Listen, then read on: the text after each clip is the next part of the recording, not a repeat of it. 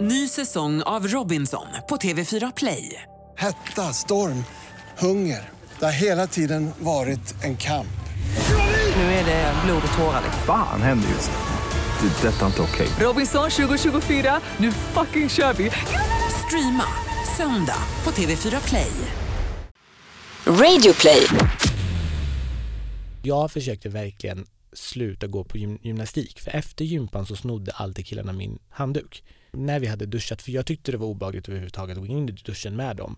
Eh, men sen när vi väl hade varit där och duschat så tog de alla mina kläder och allting eh, och så liksom sprang någon iväg med dem. Så där stod jag helt naken och alla bara skrattade och sen så slängde de in min handduk igen i omklädningsrummet så slängde de den emellan varandra. Alltså där springer man runt naken och liksom jag är inte så jättebekväm att vara naken med människor som jag inte känner.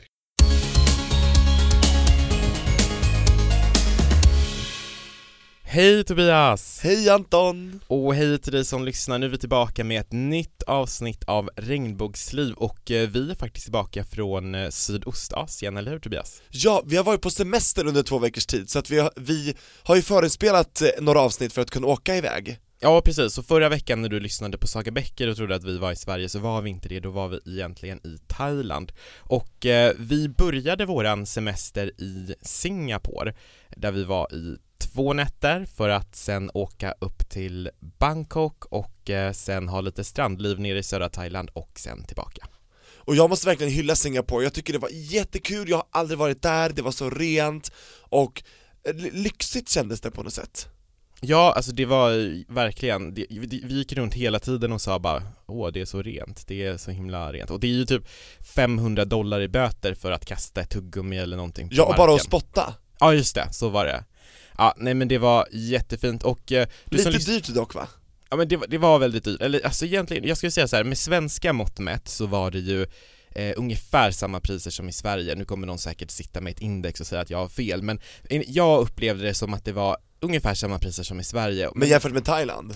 Ja, jämfört med Thailand så var det väldigt dyrt, så vi, jag är väldigt glad för plånbokens skull att vi bara var där två nätter. Och sen var vi resten i Thailand! Och du som lyssnar kanske blir lite besviken på oss nu i och med att det här är en HBTQ-podd, för vi har inte jättemycket liksom HBTQ-tips från resan, för vi var ganska så tråkiga, eller hur? Alltså vi solade inte, alltså folk frågar mig såhär, var ni ens bortresta? För jag är ju typ blekare än när jag åkte Men vi gjorde en inre resa istället Men nu låter det som att vi gjorde typ en eat, pray, love-resa och typ yogade Ja du, alltså på sant. tal om eat, kan vi bara liksom dissa också en grej som hände på resan? Ja men vi gör veckans hiss och veckans diss på resan. Mm.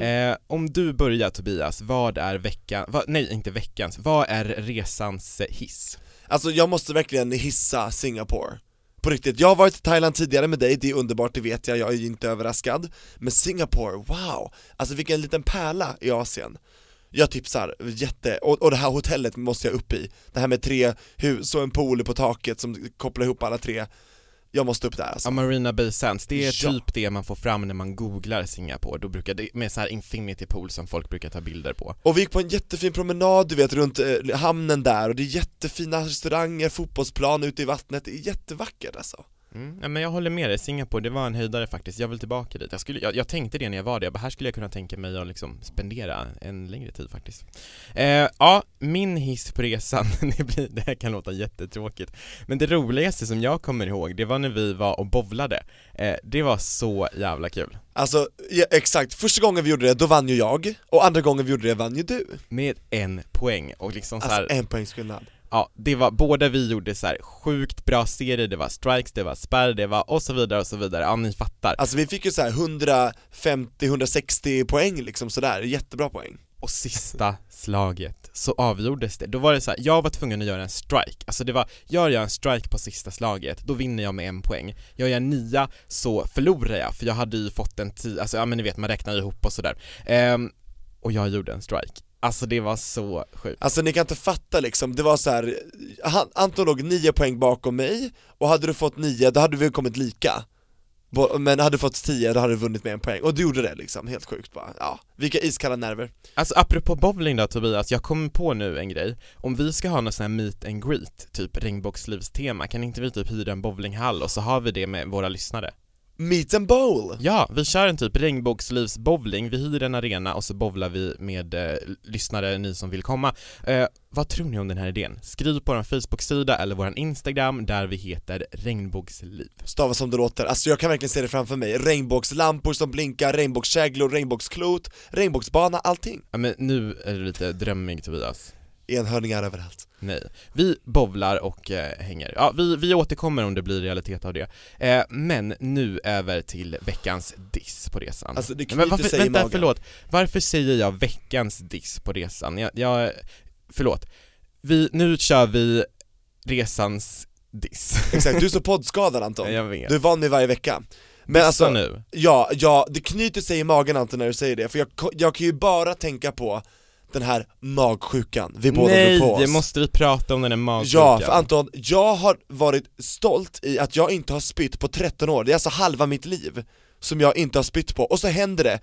Mitt på en strand, och så efter vi har ätit middag och det bara känns jättedåligt och det knyter sig i magen som det inte gjort på jättelänge och jag misstänker vad som ska hända. Och sen så helt plötsligt gör det och jag är helt oförberedd, jag står i duschen och Anton, det bara kommer ut genom munnen och jag är inte beredd och det känns som att jag ska dö, alltså kräkreflexen är den värsta fysiska smärtan jag vet och som jag har upplevt. På riktigt alltså, värsta.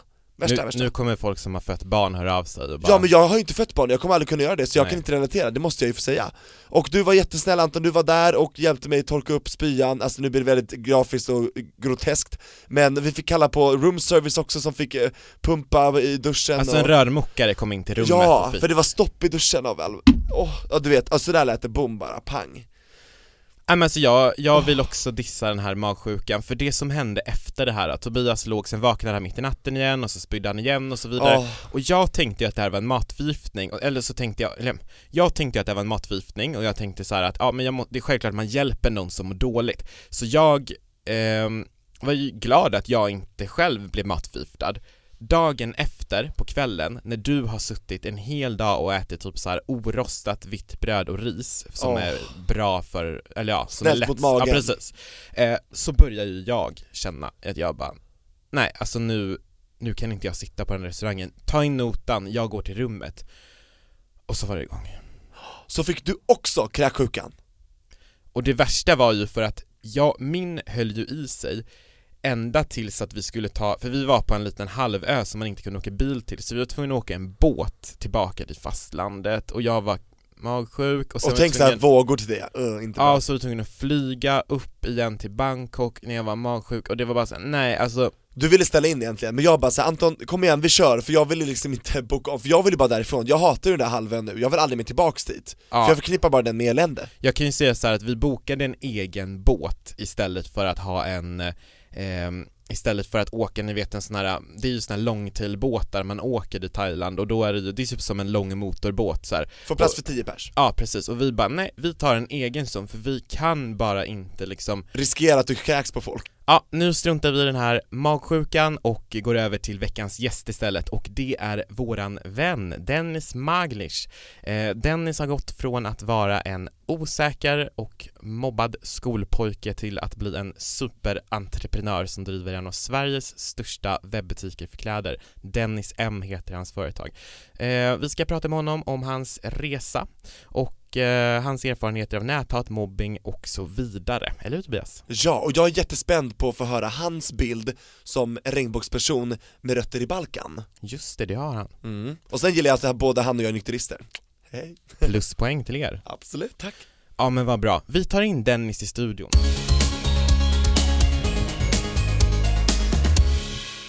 Kändes som att de var tvungna att sluta mobba mig, inte att de liksom inte, att de gjorde det av vänlighet eller för att de hade lärt sig någonting. Sen idag däremot så får jag väldigt mycket meddelanden på Facebook där folk skriver så här eh, Hej Dennis, jag skriver det här för jag har tänkt på det så länge. Ehm, jag är så ledsen för jag vet exakt vad jag har gjort och vad vi gjorde mot dig när du växte upp. Och de vet liksom, så de skriver så här långa meddelanden på Facebook och bara jag förlåt, hoppas verkligen du vill förlåta mig. Och så. Gör du det? Alltså, jag glömmer inte men jag förlåter gärna och det gör jag väl kanske för min egen skull. inte för deras, sen skriver jag ingenting till dem för att den, det behöver de inte veta men jag hoppas väl att de uppfostrar sina barn bättre än vad de själva varit uppfostrade förmodligen. Kommer du ihåg någon specifik händelse extra väl kopplat till den här mobbingen som du utsattes för? Varje gång man skulle gå på gympa, jag vet inte vilka skolor ni gick på, men det här var liksom det absolut jobbigaste för mig. För att jag försökte verkligen sluta gå på gym gymnastik, för efter gympan så snodde alltid killarna min eh, handduk. Eh, och min väska och alla mina kläder och alltihopa. Så att när, jag, när, de, när vi hade duschat, för jag tyckte det var obehagligt överhuvudtaget att gå in i duschen med dem. Eh, men sen när vi väl hade varit där och duschat så tog de alla mina kläder och allting. Eh, och så liksom sprang någon iväg med dem. Så där stod jag helt naken och alla bara skrattade och sen så slängde de in min handduk igen i omklädningsrummet så slängde de den emellan varandra. Alltså där springer man runt naken och liksom jag är inte så jättebekväm att vara naken med människor som jag inte känner. Jag, det har jag aldrig varit riktigt. Eh, och sen så slutade jag liksom så här duscha efteråt, så gick de till lärarna varje gång och bara Dennis duschar inte, han är så äcklig. Och då tvingade läraren mig att duscha. Eh, och sen liksom så ehm, ja, fram och tillbaka var det så hela tiden. Det var liksom en terror för mig varje vecka. Jag glömde gympakläder varje vecka till slut. Hade ni duschväggar mellan eller duschbås? Nej, det var liksom en sån här öppet rum med dusch. Alla duschade liksom i en stor klump. Och Ja. samma, samma på min skola. Ja, så var det på den tiden när vi växte upp, alltså nu när barnen växer upp, de, de har ju egna bås alltså, nej, det är verk- nej, nej, Jo jo jo, Tobias, det är sant Inte alla, nej, så är det inte alls. På den skolan jag gick och de jag pratade med, då är det så här, då har man egen, de bara va? Thank Ett God. gemensamt? Nej Men alltså aldrig. seriöst, hade vi haft bås så hade de kommit in i mitt bås ändå.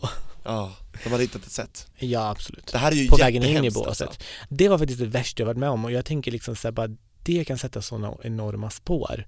Ehm, Jag hoppas liksom att man har något annat system för det idag. Det finns ju vissa, om, om barn behöver så får de ett eget duschrum Vet du vad, alltså jag tvingade fram det till slut. Det här var ganska sent, jag tror det var åttan, som jag bara, jag kan inte göra det här längre. Jag gick liksom till rektorn, jag, jag blev rätt galen, jag orkar inte mer så jag flippade ut. Eh, och jag sa liksom så bara, nej, så jag fick duscha i, i lärarnas dusch, omklädningsrum. Och det enda som funkade var egentligen att säga att det var av religiösa skäl typ. Jaha, Ja, för man fick inte göra det av här, sexuella skäl, vad man nu ska säga. Religiösa skäl gick. De allra flesta som jag pratar med som, som eh, är mobbade eller har erfarenhet av mobbing nämner just det här med omklädningsrum som någonting väldigt jobbigt och här förstår jag inte varför inte skolorna eh, ser till att det alltid finns en vuxen med till exempel lärare eller jag kommer ihåg själv, jag var inte mobbad på det sättet som du var men jag tyckte det var jättejobbigt eh, just omklädningsrumsdelen. det- det är värsta, den värsta sidan av folk tror jag kommer fram i omklädningsrum, alltså barn kan vara så otroligt elaka och framförallt där, i det, de utsatta, sårbara situationerna Alltså det värsta var att de utnyttjade lärarna till att tvinga mig att duscha. Mm. Alltså de tvingade mig och till slut fick jag liksom så här sitta och vänta en timme till alla hade gått. Så fick jag duscha själv och då var det ändå några elaka som var kvar där och väntade och typ pressade mig att jag skulle hoppa in i duschen. Alltså elever. Tänk nu också hur det är för jag pratade med en eh, kille som hade blivit eh, filmad för nu snapchattar de ju. Alltså lägger du, jag hade varit på varenda Facebook-sida i hela skolan. Ja, ja. Jag lovar, Och det hade sen- varit. Nej men den här killen han hade blivit upplagd på någons My Story när han stod och duschade eh, och så hade alla eh, gått in och tagit printscreens och så hade de lagt upp, alltså det, nej men det här är helt sjukt, förstår ni liksom hur, hur jobbigt och alltså hur psykiskt påfrestande, jag tror han var 13-14 år eller någonting, sån känslig ålder också Åh herregud. Mobbingen följer liksom med hem nu på ett Alltså annat det är inte sätt. konstigt, de säger så här psykiska ohälsan ökade från 2010 eller vad det var när Instagram introducerades. Var det 2010? Jajamän, 2011 tror jag det kom Ja, och psykisk häls- ohälsa, liksom anxiety och allting bara ökade de sökningarna. Och det måste ju bero på att det är så himla enkelt att jämföra sig med andra och liksom eh, och liksom hamna överallt om man gör någonting eller om någon vill göra en, en illa. och ha tillgång till allt och alla hela tiden Ja, precis. Men det jag brukar tänka, alltså varje gång någon så här, när jag tänker så här, bara, har någon skrivit något dumt om mig och sådär. Alltså då brukar man tänka så här, det är liksom någon människa som bryr sig om det, det är inte hela världen. Det är så lätt att liksom typ tro att livet är över för att någon har lagt upp något dumt om en eller nå- någon bild eller vad som helst. Men det är ofta en själv som tänker mest på det och som gör den största grejen av det. Det är liksom inte så big deal. Så även om man råkar ut för det så låt det inte liksom grävas ner. mm. Haters gonna hate liksom Ja, Precis Under den här, eh, under din skoltid, eh, om jag förstod det rätt så kom du på att du gillade killar under den här tiden? Ja, alltså grejen är den att där och då var det verkligen inte okej. Jag hade verkligen svårt att liksom vara mig själv och sådär. Så jag tror aldrig att jag vågade erkänna för mig själv. Det var först när jag kom till gymnasiet som jag kände så här, nu kan jag kanske börja liksom ja, chatta och så vidare. Och jag träffade ju inte någon kille förrän jag var 18. Jag var så här i celibat. så det var första gången jag träffade en kille som var 18 år faktiskt. Var det någon i Falköping eller? Nej, det var någon kille från Gud, varifrån var han? Ingen aning. Men vi träffades i Göteborg första gången. Och sen var liksom Göteborg mitt, eh, min, min feststad i princip. För där kunde man vara sig själv. Men jag kunde absolut inte träffa någon i Falköping. Det fanns, jag vet inte om det finns liksom folk som var så öppna där. Var det via någon hemsida? Eller så här? Ja, på den tiden. Jag vet inte om det finns kvar nu. Jag har varit i förhållande för länge så jag har ingen koll på det där. eh, men då var det den här Cruiser. Då man fick eh, flörta sig till att kunna logga in snabbare. Kommer ni ihåg det? Exakt! Just det, man fick guldmedlemskap eller vad det nu hette. Om Ja, någon just kunde liksom, det, ja, ja. Har du. VIP eller vad hette det? Jag har ingen aning. Men typ om, man, om de betalade så kunde man logga in direkt. Annars fick Ja. man vända sig en timme eller om det var många. Men det där har de kvar, för vi gjorde ju ett experiment i några avsnitt sen där vi gjorde ett fake eh, cruiser-konto där vi låtsades vara 12-13 år.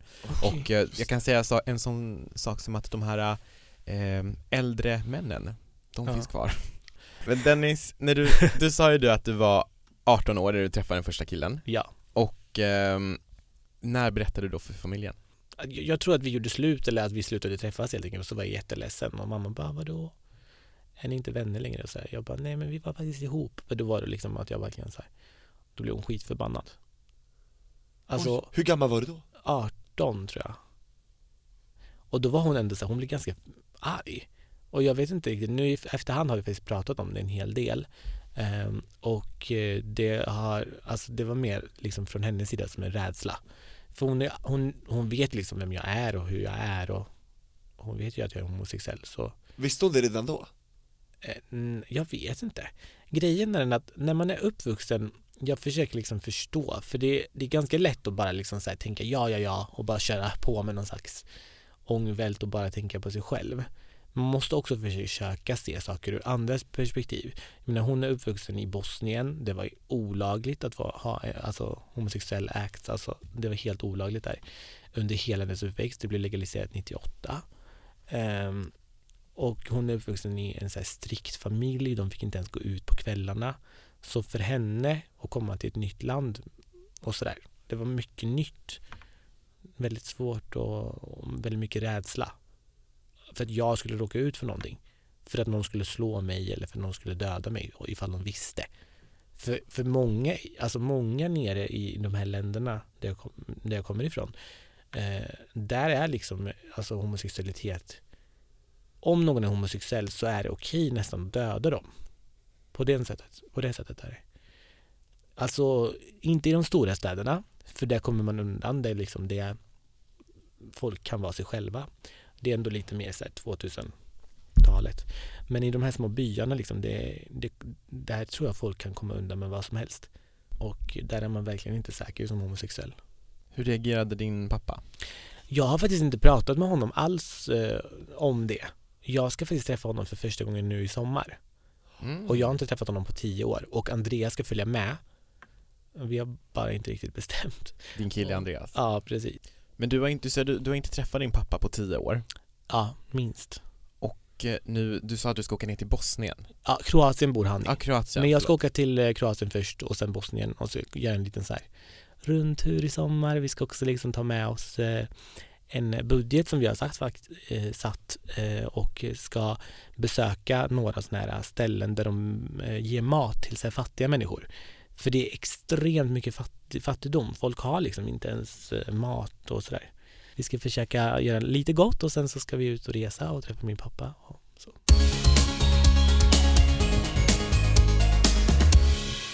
Jag tänkte att vi ska prata lite om eh, vad du gör idag Dennis och Ja. vad du har framför dig.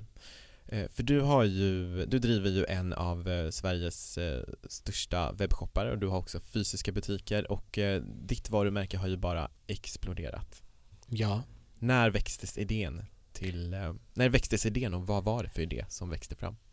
det började med att jag bloggade. Jag bloggade väldigt länge, jag tror totalt tio år.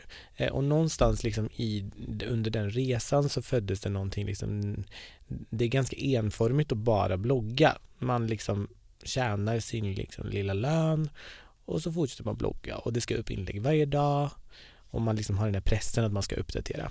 Och sen var eh, liksom på den tiden då, då började alla bloggar vara så himla företagsamma och de skulle öppna sina shoppar och, och ehm, det var liksom webbshop, det var så helt nytt och det var så himla spännande. Och jag var alltid så här, bara gud det hade varit så kul och gud men man kan ju inte öppna, man kan inte starta företag, det är för komplicerat och så vidare. Så jag lät det vara några år. Sen 2011 så, så hade jag en kille som var duktig på alltså det var inte min kille, jag kände honom bara, som var duktig på programmering så han eh, gjorde en liten sån här shop till mig, en sån här nu kan ju vem som helst starta en webbshop, men då var det lite svårare och han startade någon sån här eh, WooCommerce shop som bara man kunde stå, lägga in produkter i som om man skulle lägga in på en blogg i princip.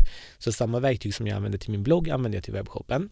Så började det som att jag köpte massa eh, vintagekläder och då hette butiken från början DM Retro. Um, och sen så la jag ut det bara till mina läsare. Jag hade sjukt mycket läsare och trafik då. Så det liksom bara small till och allt sålde slut.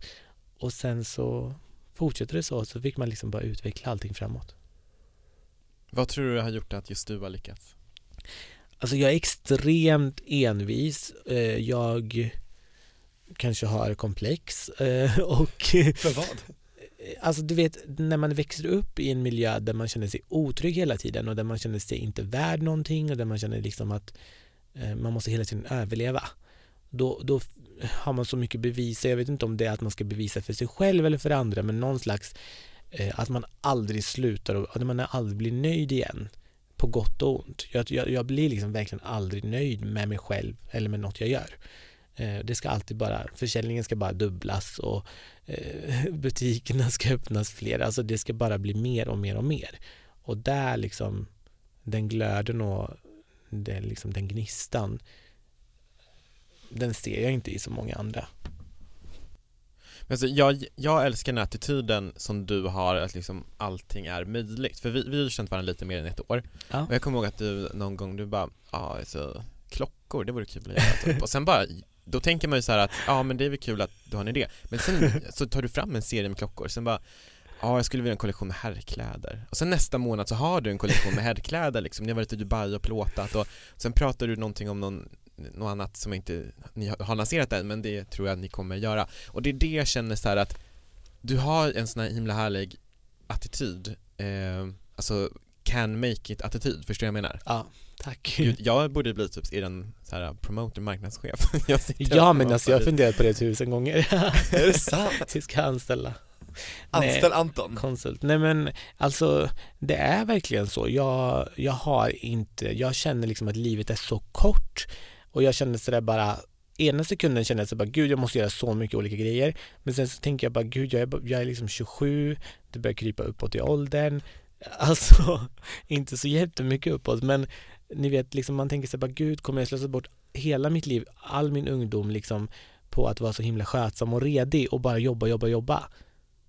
Kommer man ångra sig sen? Ska man bara fortsätta bygga på det här och liksom det är så, du vet i livet man får sådana vägskäl och det är så svårt att veta riktigt vad man gör. Men, men jag är nog liksom, som sagt, jag är så tacksam för att jag har fått liksom möjligheten att göra det jag gör och att folk liksom verkligen uppskattar det. Det är inte liksom, vi får inte bara positiv eh, kritik, men vi får så extremt mycket positiv kritik och vi växer så extremt snabbt.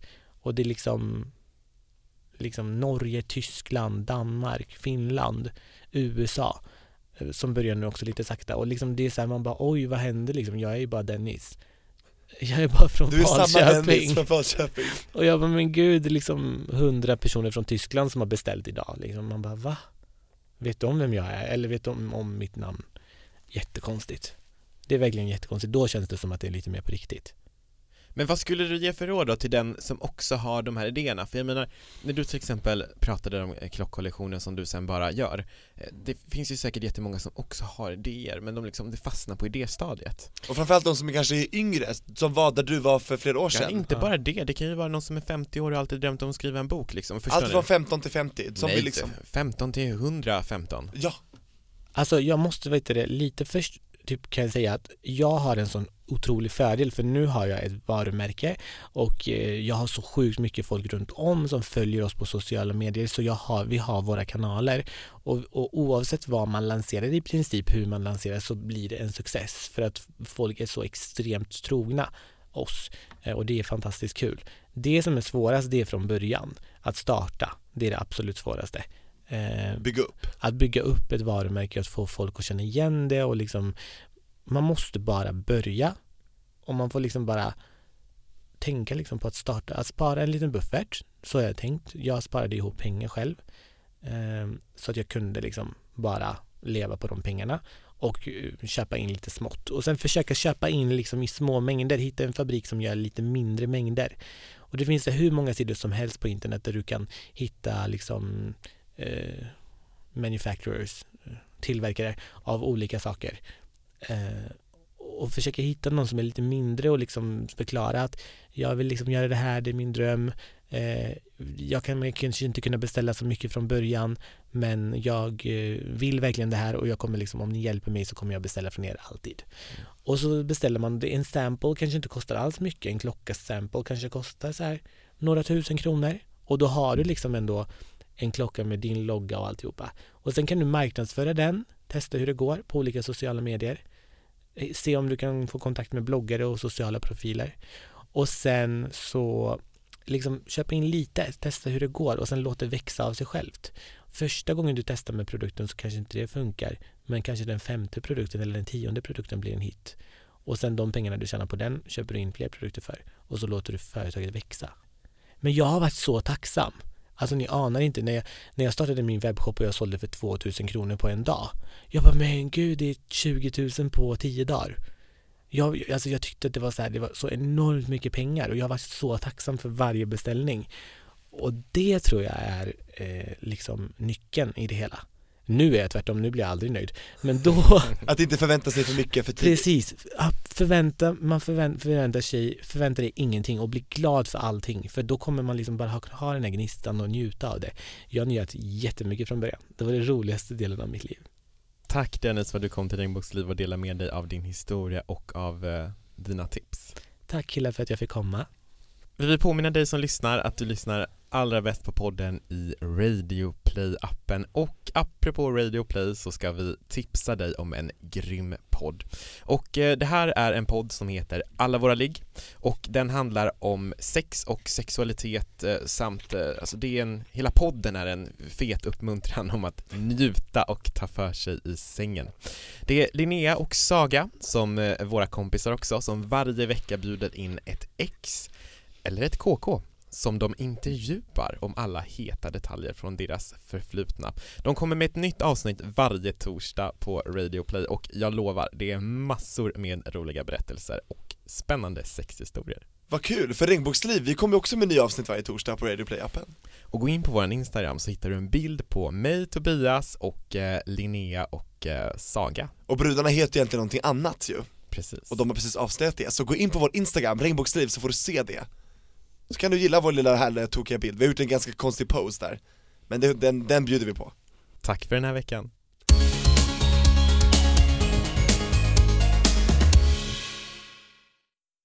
Ny säsong av Robinson på TV4 Play. Hetta, storm, hunger. Det har hela tiden varit en kamp. Nu är det blod och tårar. Fan händer just det. det detta är inte okej. Okay. Robinson 2024, nu fucking kör vi! Streama söndag på TV4 Play.